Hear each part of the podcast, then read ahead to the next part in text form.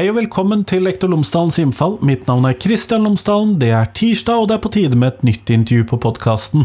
Denne gangen snakker jeg med Guro Øyestad fra Universitetet i Oslo, hvor hun er førstelektor. Vi snakker om selvfølelsen, og hvorfor den er viktig, og hvordan skolen kan jobbe med å forbedre selvfølelsen til elevene. Vi snakker rett og slett om livsmestring, vi snakker om tilpasset opplæring osv. Så sånn at det er uh, ukens tema på podkasten. Som alltid så er podkasten sponset av Cappelen Dam Utdanning, og hvis du går inn på skolen.cdu.no, så finner du alle de ressursene som Cappelen Dam Utdanning har laget i forbindelse med fagfornyelsen i grunnskolen. Alle fag, alle tema, alle årstrinn, alt sammen, det finner du der. Ressurser, oppgaver, leseressurser til elevene osv., alt sammen. Gå inn på skolen.cdu.no. Men nå får du intervju med Guro, vær så god, hei hei!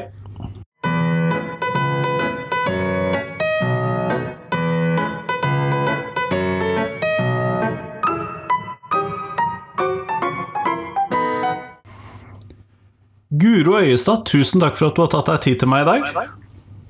Veldig hyggelig. Før vi kommer helt i gang med intervju, så hadde jeg håpet at du kunne fortelle lytterne mine tre ting om deg selv, sånn at de kan få bli litt bedre kjent med deg. Tre ting om meg? Ja.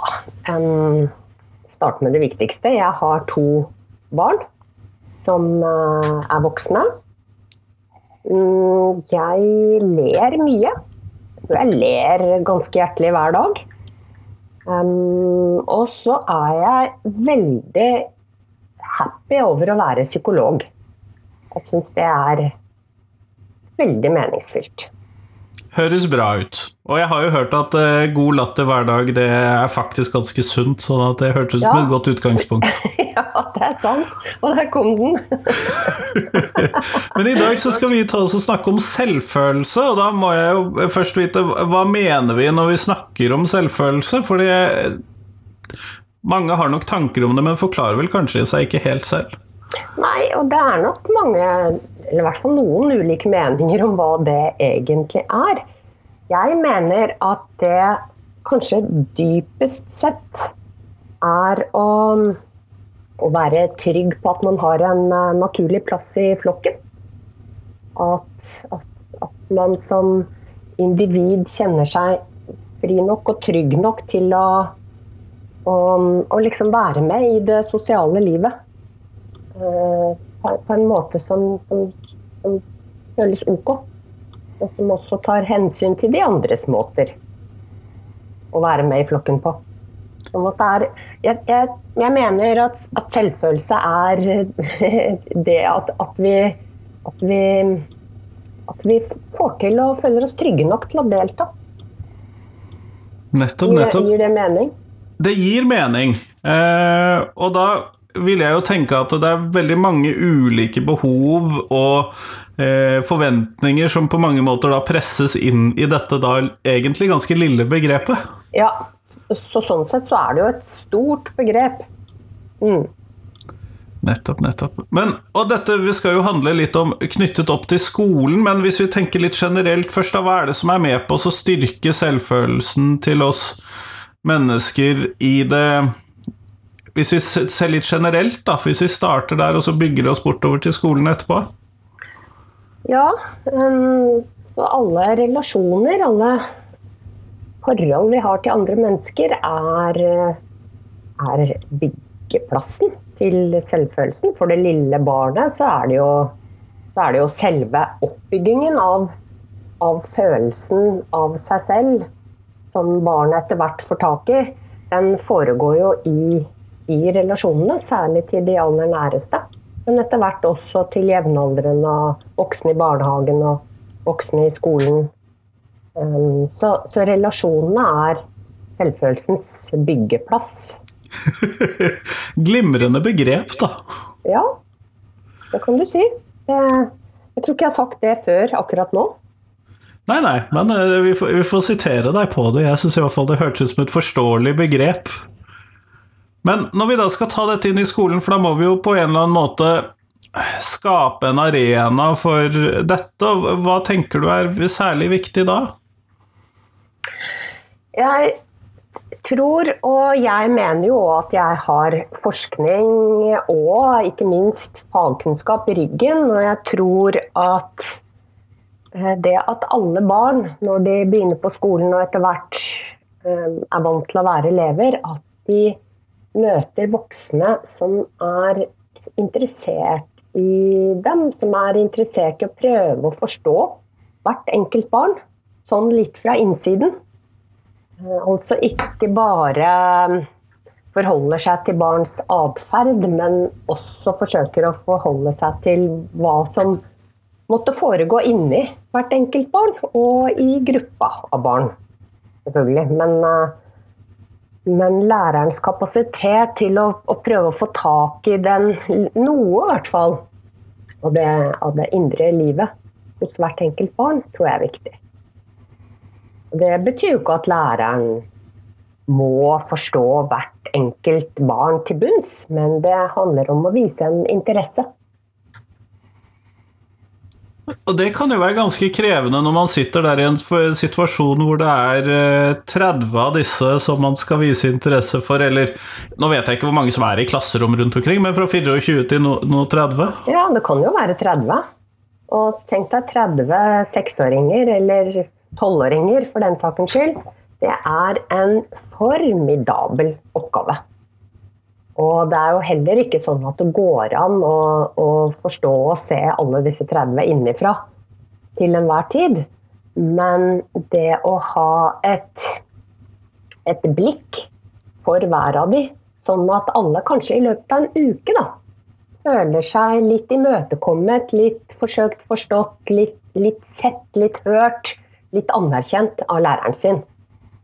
Og, og, når læreren også forholder seg til gruppa, forholder seg varmt og anerkjennende til gruppa, så vil jo det tas imot individuelt også.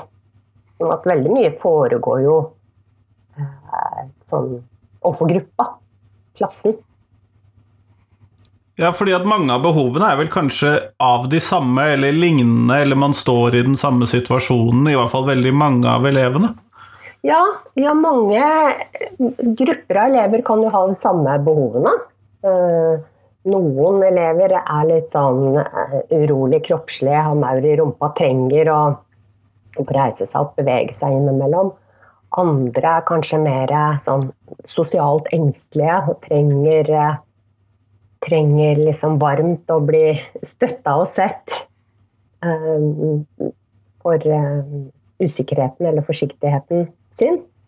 Sånn, sånn at ja, man kan godt også gruppere behovene, men, men ofte så vil jo enkeltbarns behov være litt sånn motstridende, kanskje. Mm. At læreren må gjøre valg og og, og Prioritere ulikt i forskjellige situasjoner. Ja. ja. Og hvilke behov er, er, er, viktigst nå, og hvilke behov skal vi nå Eller hva skal vi nå følge for å, å gjøre det best mulig for alle? Man kan jo godt tenke seg at det er at klassen sitter og jobber greit med noe, men så er det to-tre stykker som er, begynner å bli urolige, så kan man jo tenke at det er helt ok med en pause med litt et eller annet fysisk for alle. Og så gå tilbake til arbeidet. Ja, det, jeg tror jeg skjønner hva du mener der, men øh, vil ikke det da være å sette behovene til disse to urolige elevene foran behovene til resten? Eh, jo, det kan du si, men samtidig så er det ikke gærent for de 28 andre å måtte reise seg opp og strekke og liksom gjøre altså Hvis man har et eller annet Nå høres det ut som jeg foreslår eldregymnastikk her, men det er ikke det jeg gjør. Men man kan godt ha en sånn leken greie hvor, eh, hvor alle elevene gjør et eller annet sånt. Altså, ja, kanskje det jeg kaller for å makse. At man står på plassen og gjør noe sånn noen kroppslige hoppbevegelser som, som virkelig får opp pulsen litt. Og så gjøre det i et par-tre omganger. Og det tar ett minutt. Og så er alle litt forfrisket etterpå. Så også er det gøy. Um, så det, det, tror jeg ikke gjør noen ting. Og så er det jo også noe med at elev, alle elevene har godt av å lære at man som gruppe tar hensyn til, eh, til noens behov. Og hvis to, to, i klassen er urolige, så kan det være en fin læring i at da tar alle litt hensyn til det. Og så får vi de med på laget igjen. Og så er det vel potensielt noen flere av disse som sitter i det klasserommet som også begynner å få et litt oppdemmet behov for å bevege seg. Sånn at det er noe med Egentlig så tror jeg det imøtekommer veldig mange gode ting. Men vi, eh, vi, når vi da sitter i dette klasserommet med 30 elever, så har jo de da eh, eller 20 for den saks skyld, så har jo de da 20 forskjellige bakgrunner, og de har 20 forskjellige eh, liv, og de kommer inn med veldig forskjellig selvfølelse. Og noen av de har jo potensielt også ødelagt selvfølelse, enten det har skjedd i skolen eller utenfor skolen eller i uans, ja. Uavhengig av setting. Yes. Eh, hvordan skal vi møte det? For det er jo kanskje det mest utfordrende i dette. her. Hvis de kom inn med grei selvfølelse hele mm. gjengen, så hadde jo det kanskje vært litt lettere. Mm. Det har du jo helt rett i, og det gjør ikke barn. Er, både erfaring og forskning viser jo at kanskje altså kanskje borti en tredjedel av alle elevene i en klasse på en eller annen måte strever med et eller annet. Um, sånn at ja Det betyr jo ikke at, at en tredjedel i hver klasse har dårlig selvfølelse, som vi ville si, men, uh, men at det er alltid noen som som har noe underskudd på noe i, i en klasse. Så, og, og hvordan, hvordan, læreren skal håndtere det, det er jo et Det er vel det store, det store spørsmålet i skolen. Og vi kan godt uh, snakke litt om det uten at jeg kan ta mål av meg og skulle gi noe, noe full oppskrift på det. Nei, for det vil jo ikke være mulig med en sånn, hva skal vi kalle det, one uh, cure fits all. Uh... Nei. Nei. Og det, det, er vel kanskje noe av, eh, noe av greia her. At en lærer må forholde seg litt ulikt til uh, elevene. Altså være varm og anerkjennende overfor alle. Det, det, mener jeg og mange med meg at det er en viktig del av lærerens jobb. En grunn, grunnelement i lærerjobben er å gjøre det man kan for å like alle elevene. Finne noe å like hos alle, også de som trigger en og irriterer en.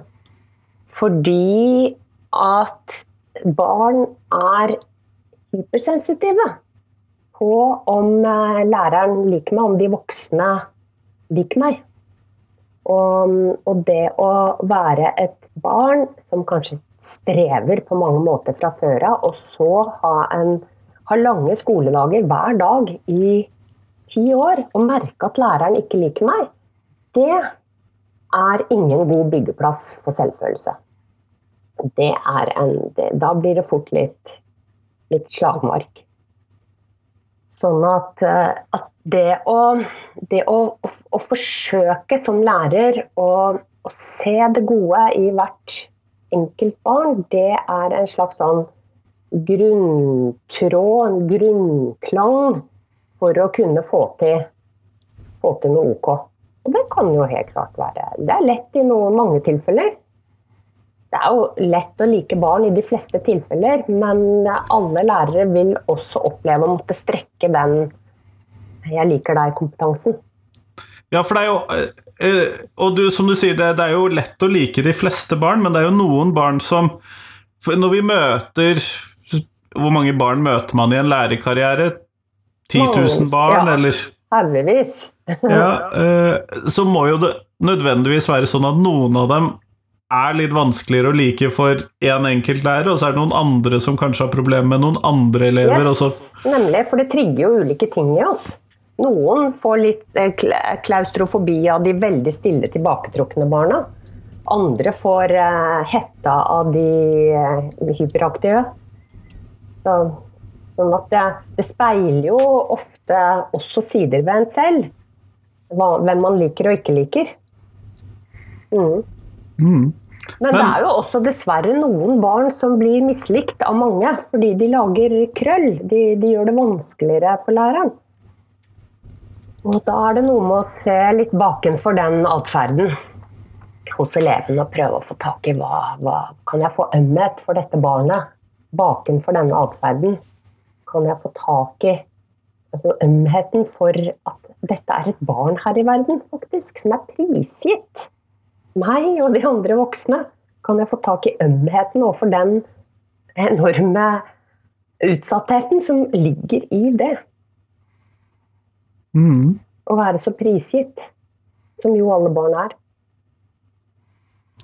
Men hvis, jeg, og hvis vi bare skal gå litt videre med, som en del av skolens virksomhet, altså er jo mye av det vi driver med, handler jo på mange måter om en eller annen form for kritikk. Altså at vi fremmer Vi gir tilbakemeldinger, vi eh, skal bygge de videre, vi skal lede de på en eller annen vei, og det er jo ikke alltid at de hva skal vi kalle det, gjør det skolen forventer. Og så kan vi jo diskutere hvorvidt skolen setter de riktige kravene til elevene, det er jo sikkert et tema i seg selv, men eh, denne kritikken som vi kommer med i løpet av en skolehverdag eller i løpet av et skoleliv, den kan jo både bygge opp og bygge ned selvfølelsen til elevene, ville jeg tro.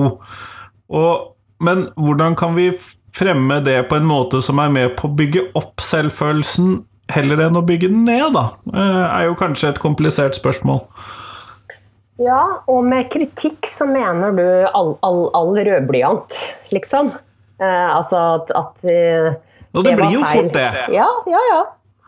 Eh, selv om man kanskje ikke bruker rødblyant mm, i skolen nå, jeg vet ikke hvordan, hvordan Jeg har sett lærere med rødpennen, i hvert fall. ja, ja. Men det, vi kan bare ha det som en metafor for sånn det var feil tilbakemeldinger. Ja. Um, så, så, tror jeg at um, Det gjelder jo ikke bare barn, det gjelder også voksne, men det gjelder særlig barn. da, At en, den aller viktigste forutsetningen for å tåle sånne korrigerende eh, type rødblyantinnspill, det er at man i utgangspunktet føler seg likt og, og sånn noenlunde verdsatt at man er eh, eh, At man er med i, i flokken, at man merker en varme i lærerens blikk. At man også at, at eleven også får skryt. Eh, både som enkeltelev, men også som gruppe. Hvis en lærer skryter av klassen sin, så sitter det jo 30 enkeltelever og og bli varme inni seg. Særlig hvis, de, hvis, den skryten er noe alle vet at de er med på.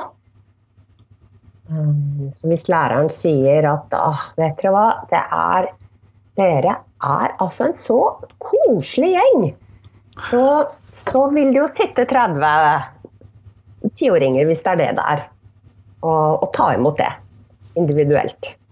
Mm. Sånn at Eh, grunnlaget for å, for å, tåle å bli korrigert, er å, å føle seg godt likt. Og, og få skryt for det man eh, også da er god på. Og, da, og så er det jo selvfølgelig også noe med måten måten sånn rødblyantaktivitet fremmes på også. Det er, jo, det er jo ikke sikkert at det alltid er det viktigste å korrigere feil. Det, det, det er mange historier som, um, som, dreier seg om lærere som, som ser gjennom fingrene på f.eks. grammatikalske eller skrivefeil i de første historiefortellingene som barn gjør skriftlig, og heller premierer fantasi eh, eh, eller andre ting. Og så kan man jo lære rettskrivinga etter hvert. Det er noe med å ja, posisjonere eller eh, ikke på død og liv skulle korrigere hele tiden hvis det er noe annet som er viktigere. Og det vil det jo ofte være. Mm. Fordi at Målet kan jo f.eks. være å få skrevet en god historie heller enn at den skal være språklig riktig. Yes, nemlig. Det kan jo altså er ikke det viktigere, da? At en åtteåring får, eh, får, lov til å, å, kjenne gleden ved å lage en artig, kanskje litt sprelsk, eh, eller motsatt, en lavmælt, fin historie, og, og få um, anerkjennelse for det. Selv om det er fullt av skrivefeil. Det gjør da, det gjør da i den sammenhengen egentlig ingenting. Sånn at kanskje er det også noe med å la rødpennen ligge rolig. Uh, rett som det er. Mm. Så mye av dette handler jo da Av de tingene du har sagt, da, så opplever jeg at mye av dette handler om prioriteringer, enten det er i sammenhenger, i sosiale sammenhenger, eller det er hva slags type tilbakemeldinger vi gir elevene i mm. den hverdagen de er i, da. Ja. Ja, og så kan man jo også tenke at den eleven der, elev Kari, eh, er så faglig sterk at hun kan godt få, få korrektive innspill på grammatikken sin. Mens en annen elev um, Jenny? Jenny. Mm. En annen elev, Jenny, der skal man kanskje tenke at det aller viktigste er at hun i det hele tatt uh, prøver seg på å skrive en historie, og der skal vi premiere det i seg selv. Og gi fullstendig blaffen i de grammatikalske feilene. Sånn at uh, her, her, blir jo forskjellsbehandling en måte å drive likeverdighet på. Nettopp, nettopp. For det er jo ikke sikkert at det er den samme karakterskalaen eller samme vurderingsskalaen som er det riktige for alle disse elevene. Nei. Og, og, det dreier seg jo om at elever, særlig de, ja, gjennom hele grunnskolen egentlig, men at det er så viktig de første årene i skolen å, å gjøre lærerarbeidet øh, på en sånn måte at, at hver enkelt elev med sine, sin bakgrunn da, bidrar til at hver enkelt av de føler seg sånn noenlunde velkommen i skolen. At det er en plass til meg her med, med mine greier, mine bidrag og mitt strev. Og så får jeg hjelp til strevet. Og så blir jeg verdsatt for det jeg bidrar med. Nettopp, nettopp. Men eh, for deg som da har jobbet som psykolog, jeg mistenker at du har gjort det en stund, når du har den posisjonen du har. Eh, er dette noe som følger oss gjennom livet etter skolen også, eller hvordan er dette? Ja, absolutt. Så um, Det første som detter ned i hodet mitt, er at vi har sikkert alle en eller flere historier om en enkeltlærer som betydde noe særlig for oss. Og for barn som har det vanskelig på en eller annen måte, så kan læreren være den som gjør den viktige forskjellen. For de fleste elever så, så, så, vil de klare seg greit gjennom skolen, kanskje uansett. Det betyr ikke at læreren ikke betyr noe, men, eh, men men de er robuste og har også andre gode voksenrelasjoner som gjør at eh, de tåler også å, ja, ikke ha en sånn veldig tett og nær og anerkjennende relasjon til læreren sin, men helt, mer en sånn helt vanlig, vanlig grei kollegial eh, støtte fra læreren. Mens en del elever vil virkelig kunne eh, altså, komme på sporet gjennom god oppfølging fra en lærer eller noen lærere. Unngå å droppe ut. Eh, få tak, eh, få tak i sin egen ja, Hva er det vi pleier å si? Få tak i seg selv. På en, eh, på en, en mer OK måte, som gjør at de kan kanskje fortsette å ta utdannelse eller, eller få til et OK liv. da. Som, som deltakende samfunnsborgere. Vet ikke om du husker den serien som NRK lagde for en del år siden som het eh, Du, du så meg, tror jeg den het. Jo, jeg mener å huske det, hvor man dro besøk til gamle lærere ja. eller noe sånt? Ja, man, man lagde et møte mellom en elev som, som var en problemelev, og som eh, har skikka seg veldig, veldig bra. Som det har gått ordentlig bra med. Og så lagde man et møte mellom den, den eleven som nå var voksen, og den læreren som de elevene mente hadde hatt stor betydning. Og så var det en samtale mellom de. Det er dypt bevegende historier om eh, betydningen av et, et, godt og hjelpsomt blikk fra en lærer. Det kan endre livsløp. Intet mindre. Det er ikke alltid det gjør det, og det er ikke sånn at læreren har egentlig et ansvar for å gjøre alle elevers livsløp positivt. Det kan ikke læreren ha eneansvar for. Men det er veldig viktig å vite for lærere at de faktisk kan bidra betydelig. Fordi det, det peker på det, det, det, store ansvaret, ja, i lærergjerningen, men også de, de, de fantastiske mulighetene. Det er jo, er jo ikke noe annet enn dypt meningsfylt. Er du ikke enig i det? Jo, og eh, det men, men, det peker jo samtidig også, for, for selv om du sier at dette er ikke noe vi kan ha som utgangspunkt eller ansvar, at vi er nødt til å eh, føle på et enkeltpersons ansvar for dette, så vi, er det jo likevel et ganske stort ansvar som legges på skuldrene til oss lærere, da. Det er det. Og det, det viktige er at det er et ansvar, men det er ikke et eneansvar.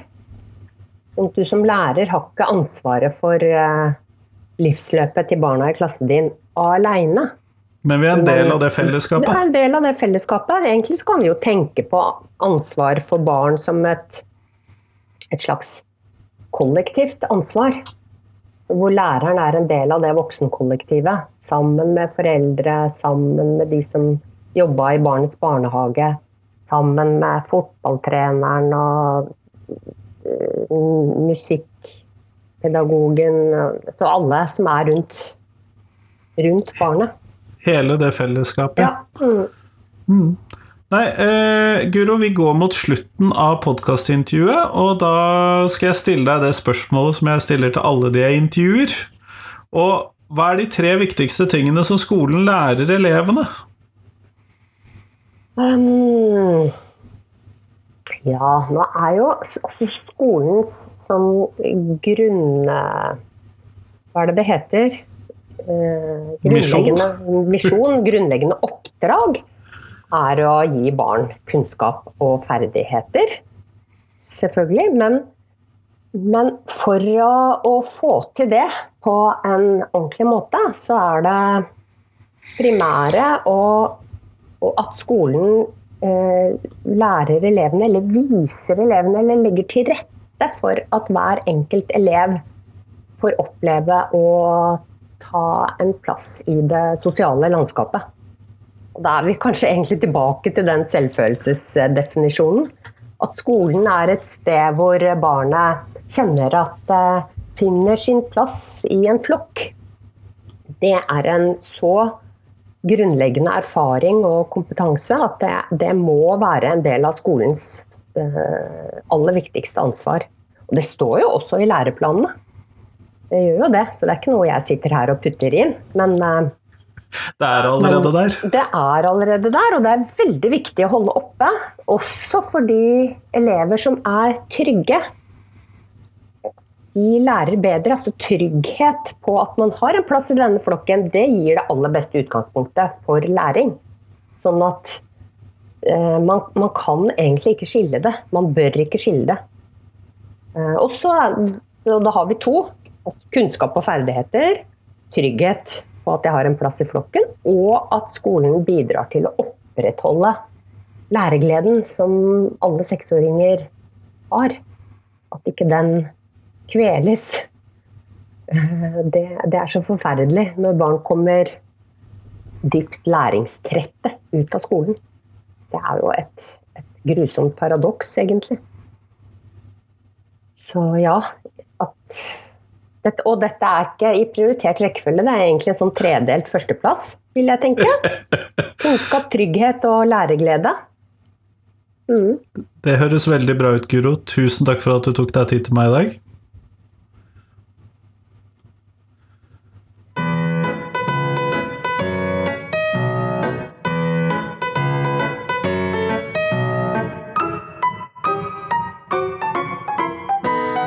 Tusen takk til Guro, og tusen takk til deg som har hørt på.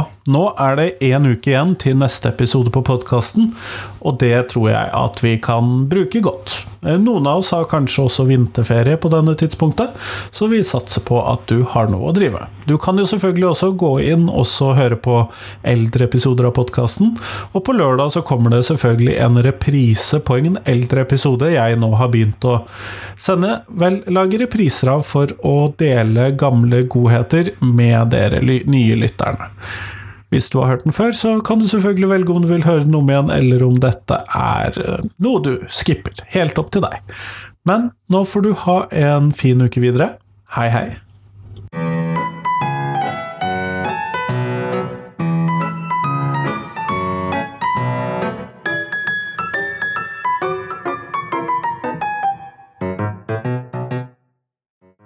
Husk at hver eneste torsdag så kommer jeg ut med et uh, Tenketorsdag-bilde, hvor jeg stiller et spørsmål jeg tenker er viktig å reflektere over for norsk skole.